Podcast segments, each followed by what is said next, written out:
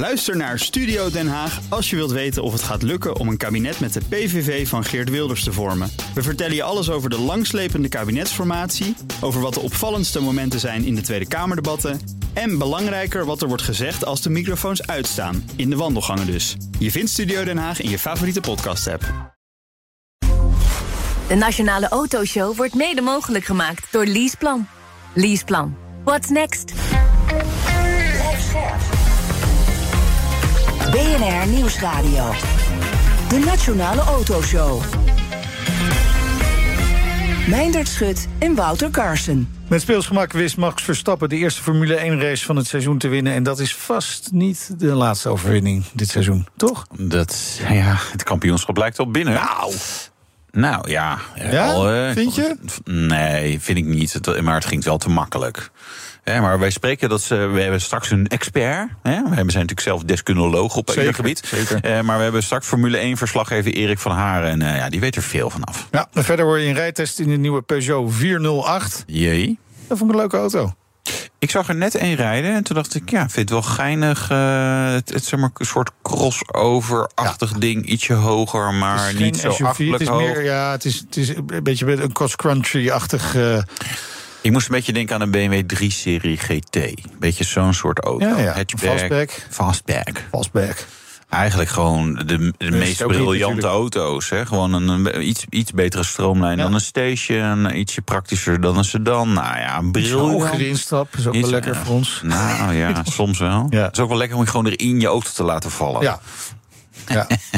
Doe je dat nooit? Nee, je hebt een. Volvo. ja, erin klimmen. we gaan door. We praten ook over eh, de Global Automotive Executive Survey van KPMG. Maar eerst even het autonieuws. Ja, Wouter. Was er autonieuws? Ja, ja, zeker. Duitsland. Ja. Genoeg ligt opeens zomaar ineens dwars bij de stemming over het Europese verkoopverbod voor brandstofauto's. Voor auto's met verbrandingsmotoren moeten we eigenlijk zeggen, hè, vanaf 2035. Vind je het nog verrassend? Ja, nee. Nou, ik, ik vond het eigenlijk voor heel verbazingwekkend dat ze allemaal meegingen als eh, zeg maar makke scha- eh, schapen naar de slagbank. het is Duitsland, hè? Ja, ja, ja, dat staan ze bekend. Nee. Eh, Nou, dat bedoel ik niet echt helemaal, nee. Wouter. Oh, jij bedoelt iets anders. ja, nou, maar. Het wordt, eh, wordt er niet belangrijkste beter op. economie van Europa. Ja, nou, nee, maar Eh, kijk. voor die belangrijkste economie misschien wel een van de belangrijkste sectoren. Ja, maar kan je ook En zeggen, ze joh, kunnen die transitie gewoon niet maken voor Nee, maar 2035. niemand kan die transitie maken in, voor 2035. Dat is, gewoon, dat is gewoon dikke bullshit. Dat gaan we gewoon niet redden. Op geen enkele manier. Je, je ziet dat mensen uit zichzelf ook gewoon niet een elektrische auto willen rijden. Dus daar moet geld achteraan. De functionaliteit moet beter. De accu's moeten beter. We moeten beter kunnen snelladen. Het grid ploft uit elkaar. Weet je, die, die beweging is goed. Maar eh, laten we ons niet eh, voor de gek houden. Het is niet zoals met, met de rietjes. Dat je denkt, nou ja, weet je, die plastic rietjes die mogen niet meer. En daar hebben we nu eh, papieren rietjes voor. Nou ja, dat was een makkelijke transitie. Ja. Maar daar, zelfs daar merken we dat het geen goed idee was van de Europese Unie. Jij Omdat- wel zo, nou, je zo de functionaliteit Je van moet een eh, heel papieren snel rietjes. drinken. Dat is een kwestie van papieren rietje. Heel snel drinken. Ik heb gewoon op AliExpress eh, plastic rietjes besteld, geloof ik. Eh, daar was dan eh 5000 rietjes voor 4,93 euro. En die kwamen dan per vliegtuig hier naartoe. Maar ja, goed, Ja. weg. Hey, over die eh, wens om elektrisch te rijden. Uit onderzoek blijkt dat bijna de helft van de elektrische rijders afhaakt als het belastingvoordeel wegvalt na 2025. Ook dit is wel eens eerder voorspeld hier. Ja, zeker. programma. Nou, wat ik, wat ik wel aardig vond hieraan... is dat het de vereniging elektrische rijders is. Ik, s- sowieso, waarom word je daar lid van? Maar goed, hè, een vereniging LPG-rijders, die hadden het er ook niet. Maar goed, dat, dat even toch? Ja, misschien ook wel, dat weet ik ook niet. Ja, je hebt overal ook, een vereniging Nee, nee, je hebt ook de Peugeot 205-club en zo. maar goed, eh, zij hebben het gevraagd. En dat zijn dus mensen die fanatiek daarmee bezig Ja. zijn.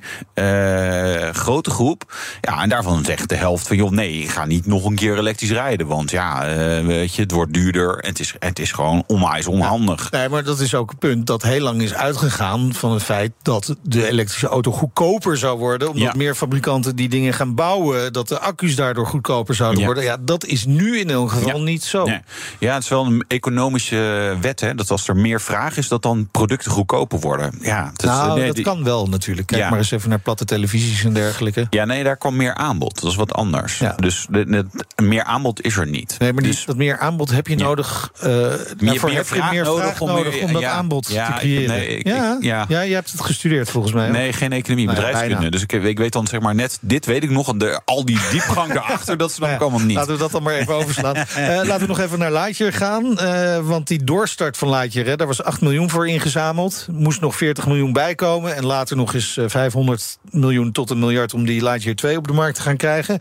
Eh, maar die, die doorstart laat nog steeds op zich wachten. Duurt lang. En er is ook iets met eh, mogelijk onbehoorlijk bestuur.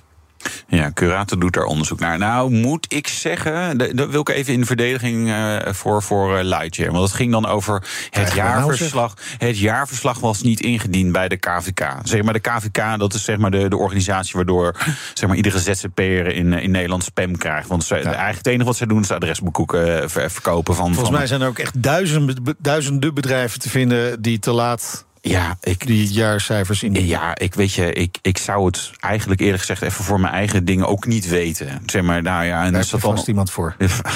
ja, maar dan moet ik diegene wel vertellen dat hij dat moet doen, denk ik. Of hij heeft het automatisch gedaan. Het is een beetje zoals het thuis gaat. Van Ja. opeens is de keuken opgeruimd en er staat eten op tafel. En dat is gewoon een ma- magische wereld. Ja, ja, mijn kinderen zijn er ook altijd verbaasd. Ja, over dat al die borden zomaar opeens in de vaatwasser eh, terechtkomen en dat de was zomaar gedaan wordt en zo, dat soort dingen. Goed, oké. Tot zover even Lightyear. We gaan eh, door met de nieuwe Global Automotive Executive Survey van KPMG. Leidinggeven in de autosector. En dat zijn ook echt toppers die daartussen zitten, hebben zich weer uitgesproken. We gaan erover praten met Loek Kramer, partner Automotive bij KPMG. Welkom, Loek. Dankjewel. Fijn dat je er bent. We hebben vaker over dit onderwerp met jou gesproken. Ja. Het is altijd weer interessant wat er uit eh, die Global Automotive Executive Survey eh, komt.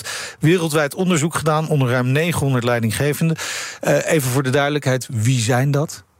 Nou, dat zijn eh, eh, verschillende mensen. Dat zijn eh, topmanagers van de grote fabrikanten, Ja. maar ook van importeurs, dealerbedrijven, leveranciers, maar ook bestuurders van techbedrijven. Dus je, je ziet dat tech ook steeds belangrijker wordt in die, in die sector. Ja. En in heel veel continenten, in heel veel landen, in 30 landen. En Ja. binnen Europa hebben we ongeveer eh, 30 procent. Dit, dit, dit, is- dit is wel in die zin richtinggevend. Hè? Ja. Dit zijn wel de mensen die, die een vinger in de pap hebben. Hè? Dus het is niet zomaar een onderzoek. Decision makers. Ja, Ja. het is niet Meijnerd en Wouter hebben ook een mening Nee, ergens over. dit hebben we niet op een achternamiddag eh, Nee, even elkaar nee. Wij hebben wel overigens altijd gelijk. Het gaat altijd die kant op. hè. Dat, dat dan weer wel. Maar goed, hè, dus je kunt ons ook wel vragen wat er volgend jaar uit je survey komt. Maar dat doen we dan even na de uitzending. Nee, ehm, groot deel zegt 80%. Het worden feestjaren. Ja. Winst. Veel winst, nog meer winst. De komende jaren. Ze zijn zeer positief gestemd. ja. waar is dat op gebaseerd? Ik denk als je terugkijkt naar de afgelopen twee jaar, was het natuurlijk een drama. Hè? Covid heeft er behoorlijk ingehakt. eh, alles ging op slot, niemand ging meer rijden. eh, dat eh, de vraag daalde, zeker naar nieuwe voertuigen. Toen kwam de crisis in Oekraïne.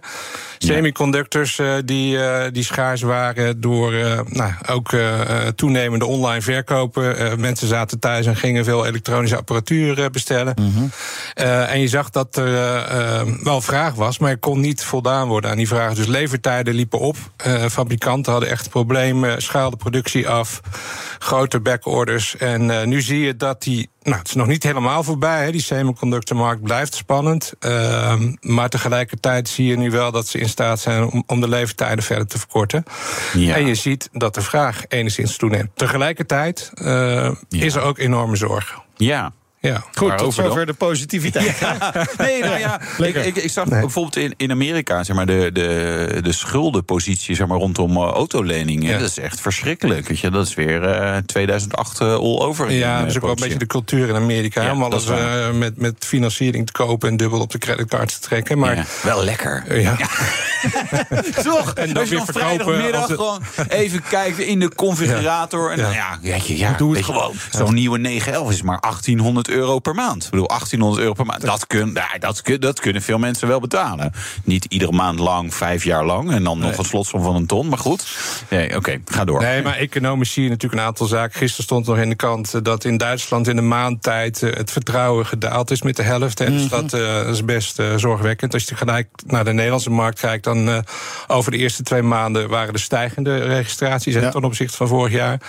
Tegelijkertijd zie je ook dat de rente hard oploopt. Eh, inflatie blijft uh, hoog. Energieprijzen dalen wel weer, maar de voedselprijzen stijgen. Dus je ziet dat het netto besteedbaar inkomen van mensen onder druk staat. Hè. Waar vorig jaar nog 1 op de 6 moeite had om rond te komen, is dat inmiddels in Nederland al 1 op de 4.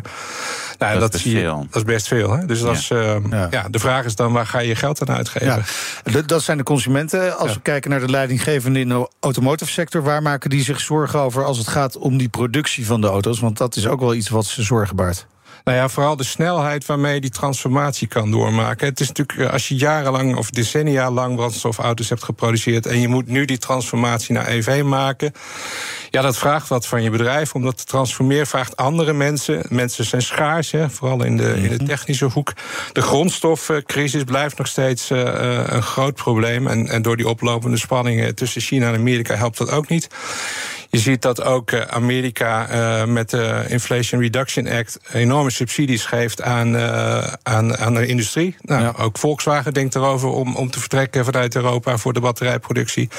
Dus het is belangrijk dat je als fabrikant nou, zo, zo, controle krijgt over je supply chain, ja. zeg maar. En ja, dat speelt allemaal wel mee. Ja, maar als al die fabrikanten al die materialen willen hebben, en daar lijkt het op, hè, dan ga ik denken van ja, dan gaat de prijs van die materialen omhoog. Ja, nou, ik denk dat dat gaat gebeuren. En zeker als 80% van, uh, in ieder geval voor de batterijproductie, nog steeds dat materialen bestaat die door landen als China en Rusland ja. worden geproduceerd. Ja. Nou, en wil je die transformatie maken? je ziet dat in Zweden wel lithium is gevonden, maar het duurt 10 jaar voordat je mijn hebt neergezet.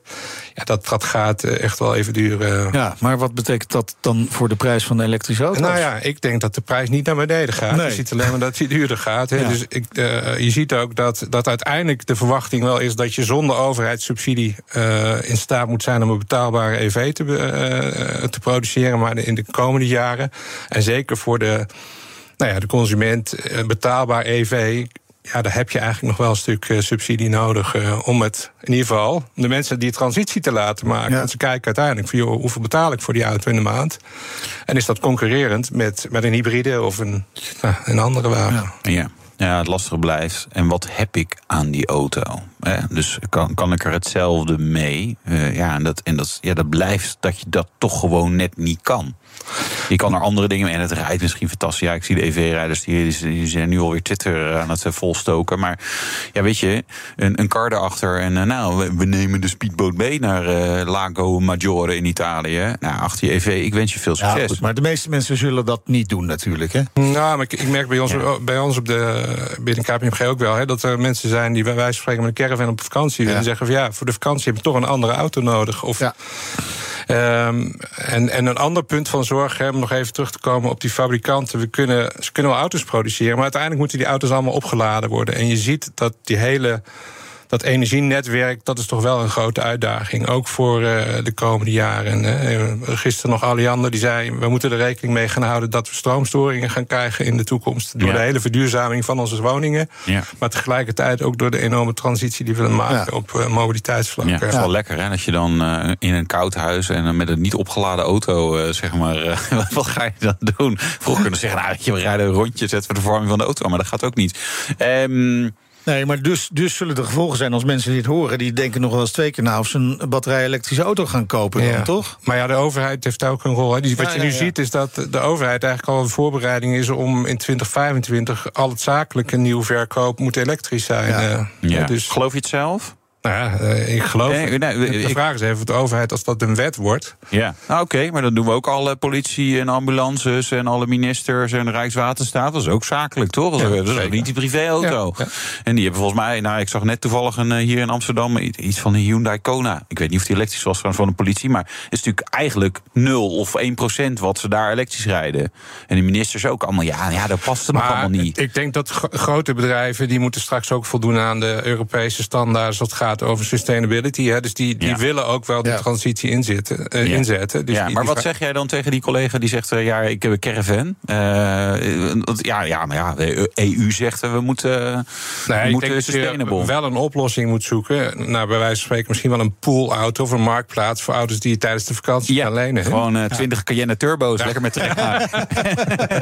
en, een, en een tankpas van erbij. Ja, joh, voor, die, voor die vakantiekilometers maakt het niet. Deze nee, mensen kiezen dan toch gewoon voor voor het geld op hun rekening en kopen zelf een eh, mooie occasion in Duitsland.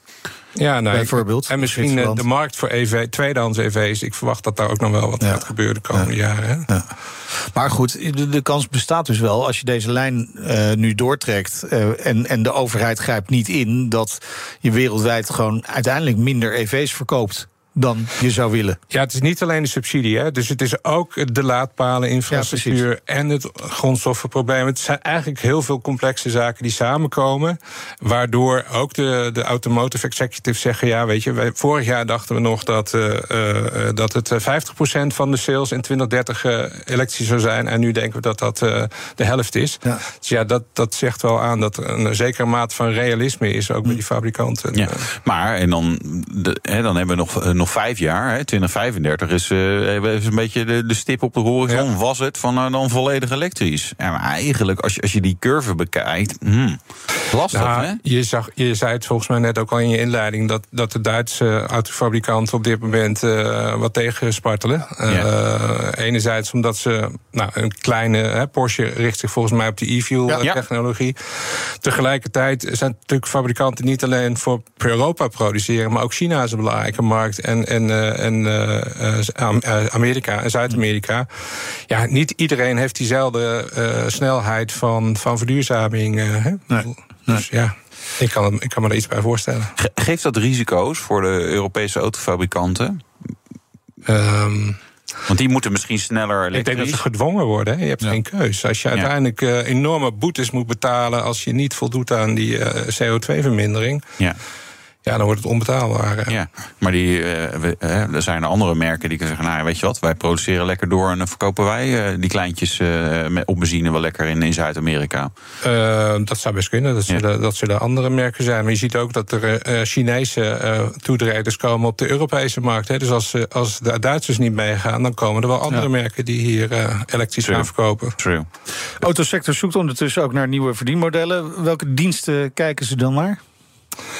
Nou, wat je ziet is dat die marge onder druk staat bij fabrikanten. En die, die, die denken van ja, waar kan ik nog geld verdienen? Ja. Ja, dat Ja, is door logisch. de dealers, eh, Het- het- de dealermarge wellicht eh, wat te Het verdienen. blijft een beetje krom dat ze hebben allemaal fantastische jaren gedraaid. En zeggen, ja, tegelijk, ja, de marges staan wel onder druk. Ja, het, is, het is alleen niet echt te zien in jullie cijfers. Op Het dit is maar wat je stakeholders willen. Hè? Ja. Ik bedoel, eh, de aandeelhouders en eh, analisten die hebben een bepaalde verwachting. Ja. nou, ze hebben natuurlijk wel enorme investeringen gedaan. De jaren waren inderdaad heel erg goed. Ja. En die willen ze goed houden. Dus ze zeggen van ja, als wij eh, naar de toekomst kijken, dan, eh, dan stappen wij in de, in de rol van retailer voor een deel. Hè. Dus eh, de verwachting is wel dat er over nou, vijf tot zeven jaar een derde van de. Van de autoverkoper straks direct via de fabrikant naar de cons- consument gaat. En een derde via de, de retailers, nog steeds de dealers. En Ja. een derde via andere partijen. En, eh, Ja, dus dat agentuurschap dat gaat ook echt wel eh, vorm krijgen. Ja, nou, de kranten hebben hier in Nederland ook Ja. volgestaan. Ja, ja. Ik bedoel, eh, Stellantis heeft contact opgezegd, Ford. Eh, ja, er is nu op de achtergrond een heftige discussie, denk ik, gaande tussen de fabrikanten en de dierenvereniging. En, eh, Ja, eh, hoe, hoe kijken jullie daar tegenaan? Want kijk, el- elke keer als ik bij een autobedrijf eh, binnenkom, zeg maar de ene helft eh, word je niet aangesproken, de andere is er gewoon van, oh, goh, kan ik u helpen? En, en word je bijna zeg maar die auto ingeduwd en hier, Ja. hier even tekenen, je hebt hem gekocht. En zeg maar echt gewoon iemand die jou overtuigt om 30, 40, 50, 60, 70.000 euro uit te geven. Ja, soms is dat wel handig, hè? Je- Dus, nou, maar ik zeg niet dat de, dat de verkoper verdwijnt uit de showroom. Hè. Dat is eh, zeker niet zo. Eh, uiteindelijk eh, zal een deel. Als je vraagt, was er nog meer een verandering? Een deel zal zich online oriënteren. eh, ja. Maar zal uiteindelijk nog wel in de showroom komen... om samen met een verkoper die order in te voeren... of via, of via virtual reality te kijken hoe ziet hij er eigenlijk uit. Eh. Ehm, maar tegelijkertijd, als je de marge bij de dealers naar beneden brengt, betekent ook dat je als dealer zegt tegen een fabrikant: wat ga jij dan voor mij doen? Ja. En dat is eh, een stukje marketingkosten naar beneden toe brengen. De voorraden gaan van de balans af. De demo's hebben ze niet meer. Eh, dat soort kosten moeten allemaal door de fabrikant worden gedragen. Ja. Eh. Het is een behoorlijke transformatie. zeker. Gouden tijden voor eh partijen als KPMG. Nou, de sector is eh, over het algemeen, eh, denken ze dat ze heel veel zelf kunnen. Dus, eh, ja? eh, nee, maar dan komen ze achter dat ze dat niet Als kunnen het pijn toch? gaat doen, dan eh, komen wij vaak Ja. om de hoek, ja. Ja, nou, maar het is natuurlijk, het klinkt heel simpel van joh, eh, eh, dat agentuurmodel van ja, oké, de dealer verkoopt ze niet meer direct zelf, hè, maar de- er zit, er zit best wel wat, wat haken en ogen Ja, het is aan. vooral de hele de achterkant, hè, wat de consument eigenlijk niet ziet eh, als het gaat over systemen, processen, procedures. Ja, dat is heel ingewikkeld. En dan heb je nog de, het spel tussen fabrikant en, en dealer. Ja, Eh, maar ja, de consument eh, zal het misschien ook wel een worst zijn. Zeker. Toch? Ja. Die gaat gewoon om een verre prijs Ja, en gemak. ja, dat denk ik ook. Ja.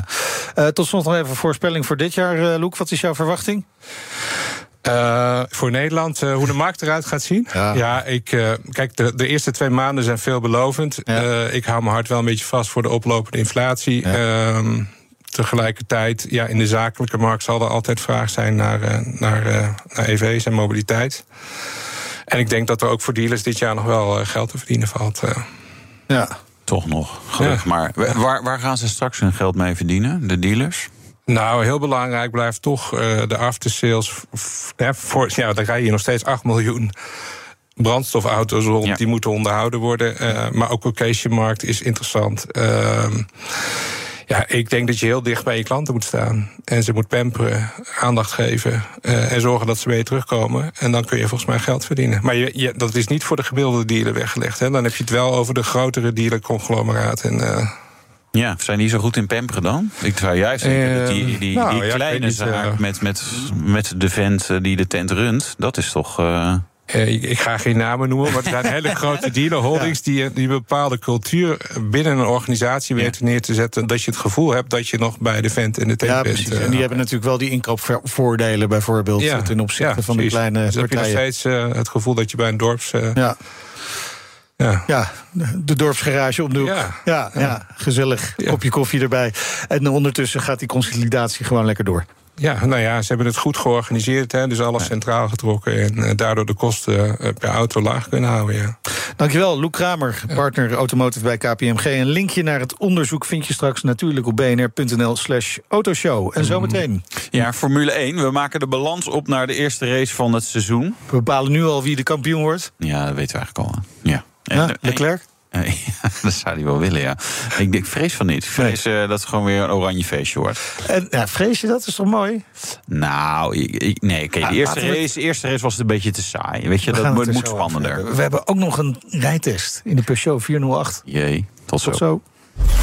De Nationale Autoshow wordt mede mogelijk gemaakt door Leaseplan.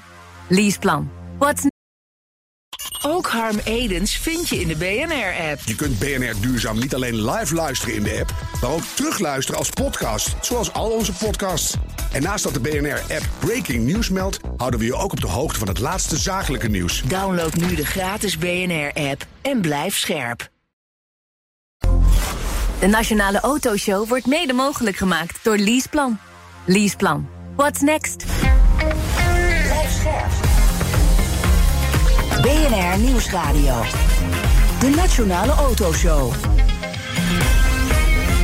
Meindert Schut en Wouter Carson. De Peugeot 408. V- Vind jij hem mooi, Wouter? Ja, ik vind het Ja, wel ik vind een hem ook mooi. ding, Maar ik ja. heb ook mensen gehoord die hem heel lelijk vinden. Nee, je hebt een slechte smaak. Ja, dat vind ik ook. En de mensen met een goede smaak, die luisteren naar de Nationale Autoshow. Straks hoor je of die ook een beetje goed rijdt, de 408. Precies, maar eerst aandacht voor de Formule 1. Het seizoen is begonnen. Dat heb je niet kunnen missen natuurlijk. En daar hebben we bewust op gewacht, zodat we naar Had de... je best kunnen missen, hoor. Heel veel mensen waren aan het skiën. Ja. Die ja, die kwamen... voorjaarsvakantie. Ja, ja, ja. Die Maar waren net terug natuurlijk voor de terug. race. Maar de ja, jawel. Want worden. nou, de laatste mensen gingen op zondag terugrijden. En als je dan een beetje op tijd wegging, dan was je een beetje, een beetje doorvlammen door Duitsland. En dan was je op tijd om gewoon eh, lekker op de bank te ploffen. Ja. Je vrouw of je man lekker de auto te laten uitpakken. En jij gewoon met een biertje en chips eh, kijken hoe Max je het doet. Precies, hè? ja. En Nick natuurlijk tegenwoordig. Nick de Vries. Ja, Eh, Nick de jij Vries. kijkt echt glazig naar mij. Was jij nog op hij het winst- over? Ik Het was- een lange week in Ja. Mijnert. Ja, het- het was een lange, Ja. zware Goed, week. we kunnen in ieder geval napraten over die eerste race... en vooruitblikken op de volgende race. Natuurlijk in eh, Jeddah in Saudi-Arabië volgende week. De gast is Erik van Haren, Formule 1-verslaggever bij De Telegraaf... waar die ook een eh, podcast maakt eh, met eh, Viaplay analist en vriend van onze show, mogen we er best bij zeggen, Ja. Christian Albers. Welkom. Ja, dankjewel. En Christian heeft niet zoveel vrienden, dus... Nee, dus, is best eh, goed dat je dat, eh, dat, je bij, dat, je, dat je dat erbij zet. Ja, Ja. eh, terug uit eh, Bahrein. Max Verstappen was natuurlijk eh, oppermachtig. Well done, mate. That's the perfect start to 2023. Really good result. Very happy with that. Thank you, guys. Hey, take a flag. Easy. Great result, guys. Very, very nice. Let's keep it up. Overall, you know, great weekend for the team. One two in qualifying, one two in the race. It couldn't have been a, a better start to the year. So, of course, very happy with that. Ja, de start kon niet beter. Komt eh, van het YouTube-kanaal van Red Bull Racing. Ja, Erik, eh, dan toch maar die vraag. De derde titel, is hij binnen? Nou, binnen nog niet, maar het is wel een beetje de algemene tendens. Hè? Het is niet, je bent niet de eerste die eh, die stelling poneert. En Nee. het viel in Bahrein vooral op dat zelfs voor de race al eh, na de testdagen... echt eh, journalisten uit Engeland, Italië, Spanje... eh, die kwamen al naar me toe van... eh, ben je al bezig met de kampioensbijlagen? Ja. Eh, dat is allemaal wat voorbarig, maar goed, Verstappen heeft er nog nooit. Het is al zijn negende seizoen. En hij heeft natuurlijk nooit op dag één van het jaar zo goed voorgestaan. En ja, tel daar dus een ervaring bij op. De, klasse van Red Bull, zijn auto. Ja, hij is natuurlijk de, de torenhoge favoriet, dat lijkt me duidelijk. Ja, maar, maar toch, als we even terugkijken naar vorig seizoen... Hè, toen hadden we toch een iets andere situatie. Want toen stond hij niet op het podium, de eerste race. Viel uit. Viel uit. Viel een paar Eh, weken eh, later ook uit. Ja. Ferrari stond er toen echt heel erg goed voor. Ja. Wat is dan het verschil met dit seizoen? Dat Ferrari toch meer achterstand heeft ten opzichte van Red Bull dan vorig seizoen andersom? Ja, ja, en Red Bull, ik denk dat Red Bull gewoon een goede stap heeft gemaakt. Die hebben de, de auto's gedurende vorig jaar beter geworden. Ze kampten natuurlijk vooral met overgewicht en dat is nu weg. En Ja. ja. hoe, hoe zwaarder je, je auto, hoe langzamer je bent, dat is logisch. Dus eh, Red Bull staat er veel beter voor. En de anderen hebben misschien ook al een stapje gemaakt. Alleen dat valt minder op omdat Red Bull een enorme stap heeft gemaakt. Dus Ja. Eh, omdat ze natuurlijk vorig jaar natuurlijk ook wel zo makkelijk naar de overwinning uiteindelijk cruised. Dan zou ik bijna zeggen. Hebben ze, hebben ze gewoon meer tijd gehad om, om te ontwikkelen ook? We gaan zeggen van ja, je, je kan op een gegeven moment natuurlijk stoppen met de auto van dat jaar om, te, om de focus te verleggen naar volgend jaar. Zeker nu met dat eh, veel besproken plafond, budgetplafond. Waar Red Bull natuurlijk alles van af weet. Want die ging er, eh, ja, die weet er nog meer vanaf dan anderen nu. Ja, ja. Ja, dus ja, en dat kijk, in 2021 hadden ze die luxe niet. Want toen hebben we dat gevecht met Lewis Hamilton gehad tot de allerlaatste ronde van Ja. het jaar. Ja. Wat natuurlijk uniek was. En nu kun je eigenlijk, ja, eh, ook als je er slecht voor staat, moet je misschien eerder zeggen van oké, we gaan ons focussen op volgend jaar, we geven dit jaar op. Maar ja, goed, het is allemaal iets, voor, iets te voorbarig. Want we hebben één race gehad. En Bahrein is toch wel een beetje een vreemde eend in de bijt. Hè. Het ging vooral over banden, slijtage en managen van de banden. Alleen als je als engineer tegen je coureur tegen Verstappen in dit geval naar de eerste ronde kan zeggen... je gaat nu gelijk managen en je loopt alsnog flink uit. Ja. De rest, dat zegt eigenlijk wel genoeg. Ja, ik vond, ik, ja, ik vond ook de, onze Mexicaanse vriend eh, dan weer er net te ver erachter. Ja. Ja. Dat je, ja, jongens, wij, eh, En in de kwalificatie zat hij niet zo ver vandaan. Nee, nee, nee, klopt maar. Dus ja, Ja. op zich voor zijn doen is dat prima. Ja, voor ook zij niet- doen. Ja. Het is ook wel lekker dat we dat zo... Gelukkig luistert iedereen Nederlandse radio waarschijnlijk. Maar eh, jij hebt ook goed eh, contact met Kamp eh, Verstappen. Ja. Waren zij eh, verrast? Nee, wel zeer optimistisch. En zeker na de kwalificatie, want het weekend verliep eigenlijk niet zo heel vlekkeloos. Hè. Er waren toch wel wat problemen. Dus niet alles verliep eh, geweldig. Eigenlijk is dat ook wel weer fijn als je een heel goed resultaat hebt. Dan wel kan zeggen, we moeten analyseren en dingen beter doen. Dat is natuurlijk al lekker. Niet dat alles geweldig gaat. Nee. Maar ja, het optimisme is natuurlijk heel, eh, heel groot. En dat is Ja. natuurlijk wel logisch. We hebben natuurlijk ook eh, gezien hoe het anders kan. In de jaren dat, met die Renault-motor en al die ploffende motoren. Maar ja, nu ziet het wel heel erg goed uit. Oké, maar laten we toch even proberen dat seizoen nog een beetje spannend te maken, Erik. Hè? Want Bahrein zegt natuurlijk ook niet alles. Nee. is ook wel een circuit met, met nieuw asfalt relatief, ruw asfalt... waar de banden sneller slijten. Heeft Ferrari wat meer last van dan eh, Red Bull bijvoorbeeld. In Jeddah in Saudi-Arabië zou, Red, zou eh, Ferrari misschien wel weer wat beter, wat dichterbij er kunnen zitten. Dat denk ik ook. Die hebben, als je de, hè, dat hoor je ook van de andere teams, als je naar de data kijkt, hè, die kijken natuurlijk ook eh, goed wat de, wat de anderen doen, hebben de beste motor. Nu betekent dat niet gelijk dat je het snelste bent op het rechte stuk, maar het helpt natuurlijk wel in Jeddah. Ja, we hebben daar twee keer gereden, dat supersnelle, gevaarlijke stratencircuit met, waar, met snelle bochten, lange rechte stukken. Ja, dan is topsnelheid natuurlijk belangrijk. Dus ik hoop eigenlijk voor de neutrale fan dat, dat het allemaal iets dichter bij elkaar zit. En zeker de kwalificatie zat het sowieso in Bahrein ook al dicht bij elkaar. Alleen ik denk dat iedereen met name op zondag heel bang is voor Red Bull. Want je zei het al, die bandenslijtage, daar heeft Ferrari vorig jaar Ja. heel veel problemen mee gehad. Aston Martin, die er nu bij zitten, hadden er ook problemen mee. En Red Bull eh, leek er nauwelijks problemen mee te hebben. Dus eh, ja, eh, het is natuurlijk heel belangrijk om zaterdag goed te kwalificeren. Maar ja, je moet er op zondag staan. En wat dat betreft denk ik niet dat Red Bull heel snel in te halen is. Nee. Eh, hoe- eh, Mercedes. Ja. Ja, dat mislukte concept, hè, dat, dat was vorig seizoen eigenlijk al mislukt. Het ging wel iets beter Ja. gedurende het jaar. Ja. Maar ja, als je Lewis Hamilton op vrijdag, de eerste vrijdag van het jaar, al hoort zeggen van we gaan met dit concept van de auto het gat niet dichten. En op zaterdag zijn teambaas Toto Wolf naar de kwalificatie zegt we moeten het rigoureus anders doen. En dan moet de eerste race nog verreden worden. Ja. Ja, dat is natuurlijk best wel pijnlijk. En eh, ja, ik, ik weet niet hoe het met jullie zit, maar eigenlijk het gevecht Verstappen-Hamilton, dat is eigenlijk het mooiste wat je kan hebben. nou ja, misschien komt er iemand anders voor in de plaats. Nou, als Alonso erbij komt, zou het heel leuk zijn. Maar dat zijn natuurlijk wel die characters, die heb je nodig. En Leclerc, eh, dat heb ik zelf, heeft dat iets minder. Kijk, er is ook een geweldige race, dus het kan wel. Alleen, ja, dat hele politieke spel en gevecht ook tussen Mercedes en Red Bull... wat we in 2021 zagen, was natuurlijk geweldig. Ook als je niet echt van de sport nee, ja, precies. Ja, nee, dat klopt. Maar- aan de andere ja. kant, Leclerc, weet je, als, stel dat het wel elke keer nek aan nek is, want dat is het natuurlijk met Hamilton en Verstappen geweest, dat seizoen, eh, dat beruchte seizoen. Eh, nee, nee, nee, dan wordt het ook anders. Want nu zijn het natuurlijk soort matties en dan ja, hey, nou goed gereden. Ja, jij ook. Eh, Leuk dat je 50 seconden achter me Ja. eindigde. Eh, het is een beetje dat. Ja, Ja. je hebt ook geen strijd, want ja, ze komen een keer een beetje dichtbij, Ja. maar niet Ja, dicht en- genoeg. En Verstappen heeft vorig jaar natuurlijk ook laten zien... ook al komt hij hem een keer tegen, maar hij staat eh 80 punten voor... Ja, dan hoef je Ja. niet alle risico's te nemen. Nee, precies. Ja, eh, laat hem in een gevecht dan maar een keer winnen. Ja, als je maar aan het einde van de rit bovenaan staat. Toch even Mercedes nog, hè, want die radicale veranderingen waar Toto Wolff het over had, wat zijn dat? Ja, ze hebben van die, ja, dat noem je sidepods aan de Ja. zijkant van de auto. En die hebben zij nauwelijks. Nee, als enige team. En je ziet nu dat heel veel teams hebben Red Bull overgenomen Ja, vorig jaar. Maar Martin Mercedes denkt, bijvoorbeeld. eh, nee, dat gaan wij niet doen. Alleen Toto Wolff zei bij de autopresentatie, dus nog voor de testdagen, al dat ze dat concept een beetje gaan veranderen gedurende het jaar, aan het begin van het jaar. Dus dat komt terug. Alleen ze zei ja, alleen daarmee gaan we geen anderhalve seconde winnen. Dus ze gaan nog meer dingen aanpassen. Alleen, ja, je zit met die budget cap.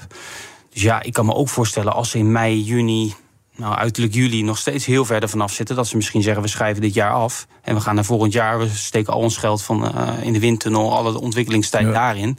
Dat we naar volgend jaar gaan kijken. Want je hebt ook nog een Hamilton, een zevenvoudig wereldkampioen, die ook nog zijn contract moet verlengen. Ja. Ja. wat, wat spiegel je hem voor? Wat is zijn eh, toekomstperspectief wat dat betreft? Die wil natuurlijk niet eh, elk jaar vijf- om P5, P6 rijden. Dus zeer interessant, maar ik kan me haast niet voorstellen dat ze er snel bij komen. Nee, nee. Jammer, hè? Wel. Vind ik wel jammer. ja. Ja, Vorig jaar, wat ik zei, eh, Russell, eh, zijn teamgenoot, die won in Brazilië. Maar ja, dat is natuurlijk een beetje ook een raar circuit wat op hoogte ligt. In Mexico, wat nog veel meer, meer dan twee kilometer boven de zeespiegel. Ja, daar waren ze ook sterk. Alleen ja, dat zijn circuits twee keer per jaar. Ja, Ja, op, een, op een kalender van 23 races. Ja, wat heb je eraan? Verrassing van het weekend. Nou, wel verrassing. Maar Aston Martin deed het natuurlijk waanzinnig. eh, met Alonso op de derde plek. Op het podium voor het eerst in zeven jaar volgens mij. Ja, Alonso stond eh, een paar jaar geleden in Qatar ook op podium. Eh, toen Hamilton en Verstappen 1 en 2 waren. Oh ja, dat is waar. Eh, maar toen reed hij nog voor eh, Alpine. ja, en hij heeft nu de goede keuze gemaakt. Hij heeft natuurlijk ook, is wat ongelukkig in zijn keuze geweest. Hè, hij is natuurlijk ook de man die toen naar Ferrari ging... en ook niet die titel, hè, een beetje de Ferrari-vloek over zich heen had. Maar het is natuurlijk een hele populaire coureur, 41 jaar. Je merkte in het mediacentrum ook dat heel veel journalisten gingen klappen... toen die Hamilton inhaalde. Vind ik altijd zelf een beetje gedreven. maar, er zijn ook gewoon fans, hè, toch een nee, beetje. ja. Dus dan moet iedereen lekker zelf weten. Maar ik zou het zelf niet doen. Alleen iedereen gunt het hem wel. Ik hoop eigenlijk heel erg op eh, gevechten tussen hem en Verstappen. Want eigenlijk hebben zij nog nooit met elkaar gevochten. Ze hebben superveel respect voor elkaar. Ja. Alonso haat Hamilton zo'n beetje. Is een geweldig Verstappen-liefhebber. Maar ja, wat gebeurt er als die twee echt dicht bij elkaar komen? Ja, wou net zeggen, dat wat eigenlijk weer eh, rinse and repeat wat ik net over. Leclerc zei. Ja, het is makkelijk vrienden te zijn als je niet in mekaars vaarwater En dat zit. zou natuurlijk fantastisch zijn. Alleen ja, Aston Martin, ja, in de kwalificatie zat hij er ook wel je zestiende achter. Hè, Alonso op zondag geweldige race gereden. Maar ja, als zij alleen al dit jaar tweede team zouden kunnen zijn... dat is natuurlijk al een enorme stap. En dat hadden ze bij eh, Alpine vorig jaar ook niet verwacht. En hij heeft... Volgens mij in het team eh, bij Alpine kwamen ze de maandag achter eh, dat hij voor Aston Martin had getekend. Ja. En Vettel had zijn vertrek aangekondigd en een paar dagen later had hij zijn contract al getekend. Dus dat is een beetje hetzelfde als Red Bull. Aston Martin heb je Lawrence Stroll, hè, de vader van eh, Lance Stroll. Ja. Ja. Eh, als je met één geld. baas hebt, bakken met geld, dan kun je snel zaken doen. En dat doet Red Bull natuurlijk ook. En dat helpt En, natuurlijk en het heeft gewerkt bij Aston Martin. Het team was ongelooflijk blij.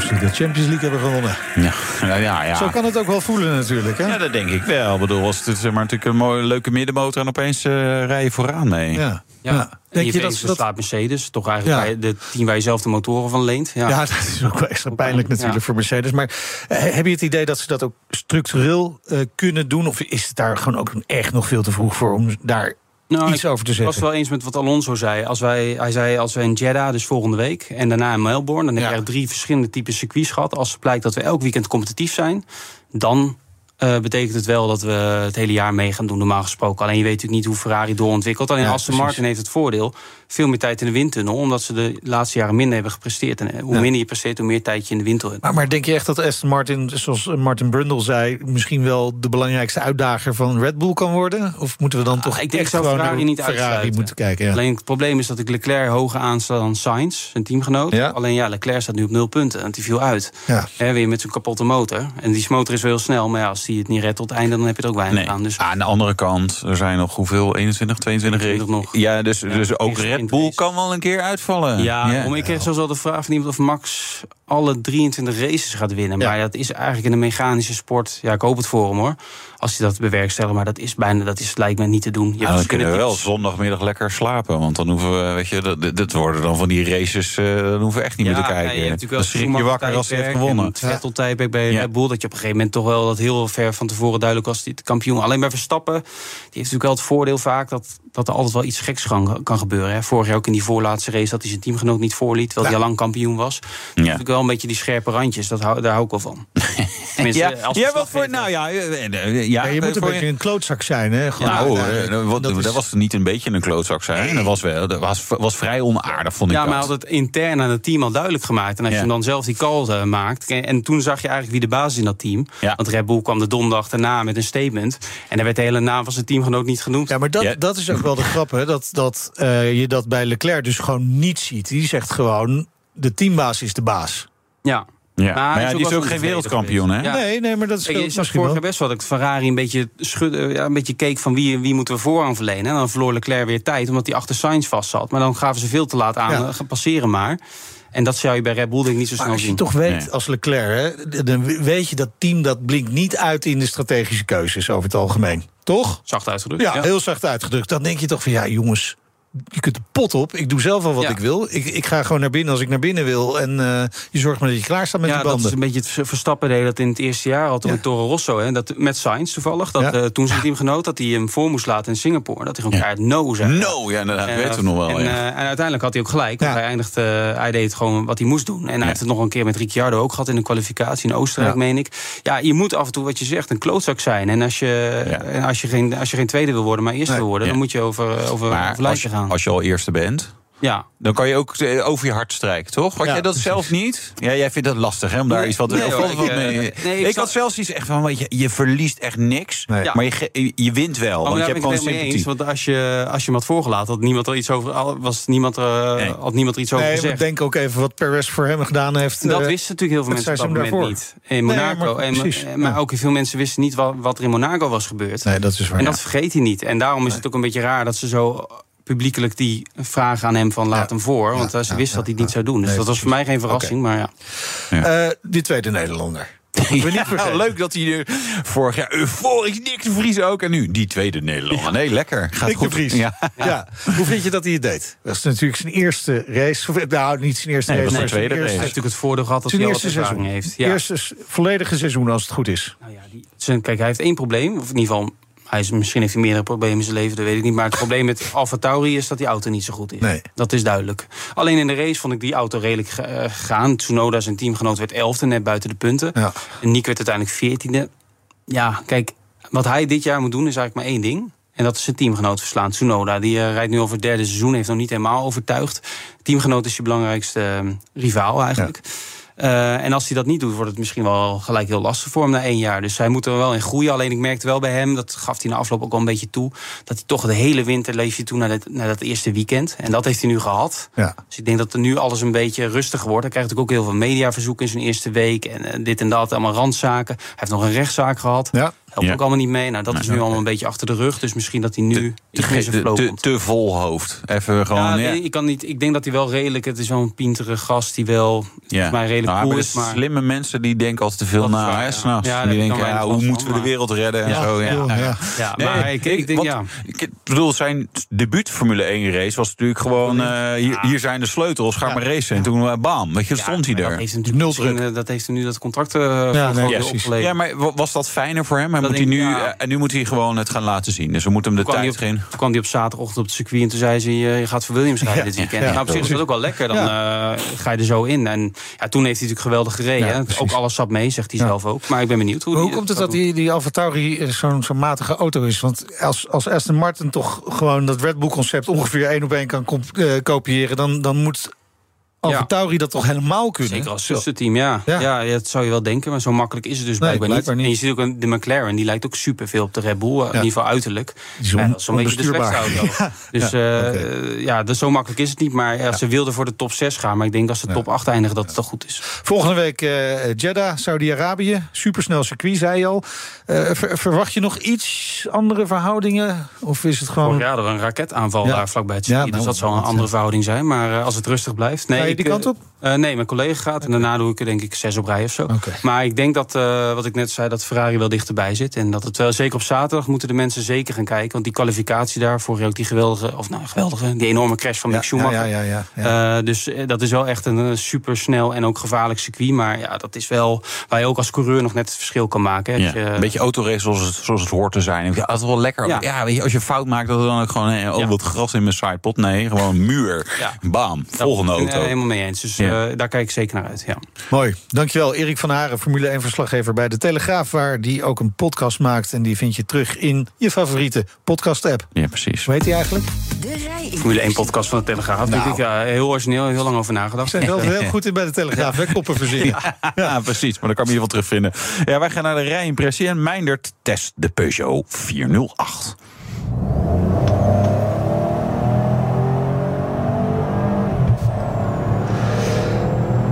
Ja, laten we eerst maar eens beginnen met het eh, bepalen van het hokje voor deze 408. Want het is best een bijzondere verschijning. En ja, niet direct te plaatsen. Vind ik wel fijn trouwens, want er is genoeg eenheidsworst op de weg. Al die SUV's, kom op designers. Het wordt allemaal een beetje saai op deze manier. Nou, de 408 is dus geen SUV, dat begrijp je. Hij staat wel wat hoger op de wielen. Dus het is ook geen stationwagen. Zou met een lengte van bijna 4,70 meter wel goed kunnen natuurlijk. Maar nee, nee, nee, dat is hij ook niet. Want daarvoor loopt de daklijn te veel naar beneden af. Het is ook geen sedan. Al houden ze bij Peugeot vol dat het wel een sedan is. En namelijk eentje in het C-segment. Maar ja, dat, dat is hij dus niet. Hè. De beste benaming is een crossover fastback. Nou ja, whatever, het maakt ook niet zo heel erg uit. Maar crossover klinkt ook weer zo gewoon inmiddels. Nou, veel belangrijker is hij dat hij wel echt een bijzonder uiterlijk heeft. Hij deelt in principe alles met de 308. Maar daar is van de buitenkant nauwelijks iets van te zien. Peugeot heeft sowieso de laatste jaren 70 km per uur. dat is toch altijd een fijne waarschuwing zo even. Ehm, Peugeot heeft sowieso de laatste jaren echt wel forse stappen gezet in het design. Hebben we al vaker gezegd. Hè? En de 408 is daarin geen uitzondering. Scherpe, af en toe hoekige lijnen, aflopende daklijn, grote wielkassen. Behoorlijk aparte velgen als je het mij vraagt. En die zijn dus eh, ja, apart. Met de 408 is Peugeot in het ontwerp best een gewaagde weg opgegaan. En die bevalt mij wel. Er zijn ook mensen, echt waar, die hem lelijk vinden. Maar ja, niet iedereen kan diezelfde verfijnde smaak hebben. En dat is misschien ook wel goed.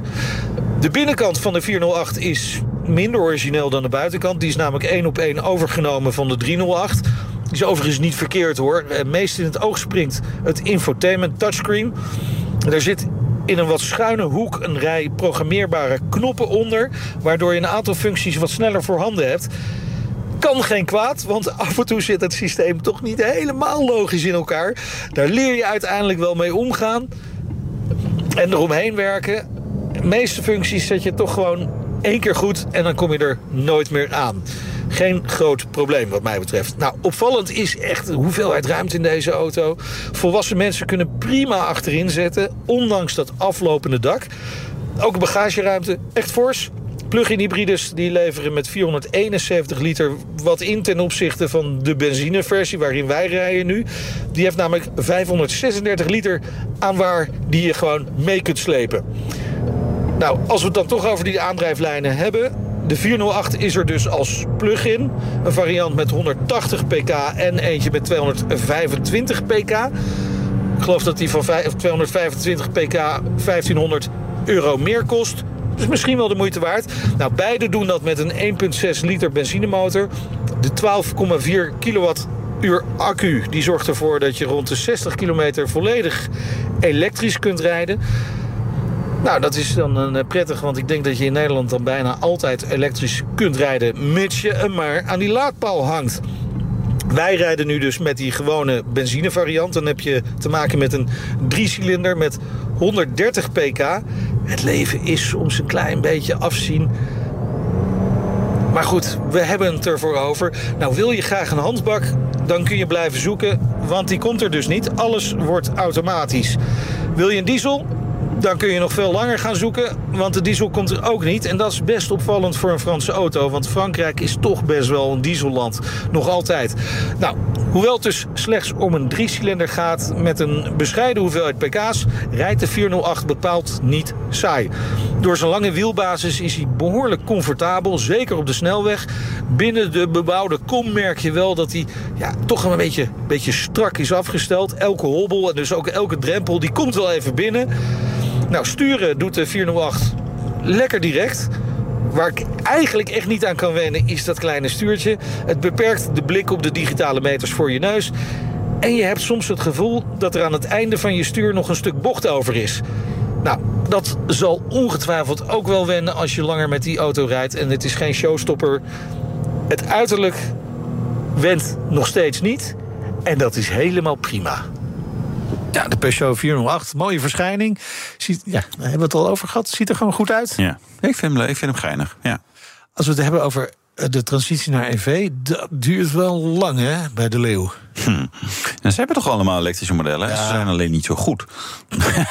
nee, ja, weet je, wat hun... Een, ja, ze hebben volgens mij geen elektrische auto die meer dan 500 kilometer WLTP-range heeft. Dus dat is gewoon vrij kleine accupakketten, langzaam laden. Ja, weet je, het kan allemaal wel. eh, Maar ja, Ja, ze hebben het geluk dat Duitsland de streep eh, door het verbod op. eh, ja, je zou denken dat zij zelf daar dan ook eh, een rol in zouden spelen. Maar daar hadden ze blijkbaar toch niet Nee. zo zin in. Nee. Nee.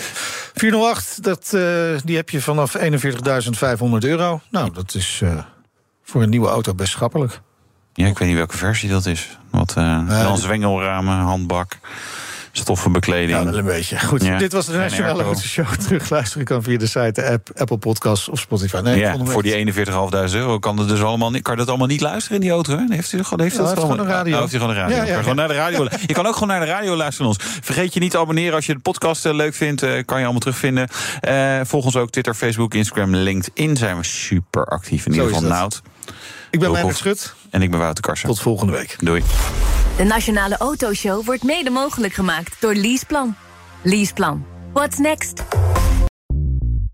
Bij BNR ben je altijd als eerste op de hoogte van het laatste nieuws. Luister dagelijks live via internet. Bas van Werven. En heel langzaam komt de zon op rond dit tijdstip. Je krijgt inzicht in de dag die komt op BNR, het Binnenhof in Nederland en de rest van de wereld. De Ochtendspits. Voor de beste start van je werkdag. Blijf scherp en mis niets.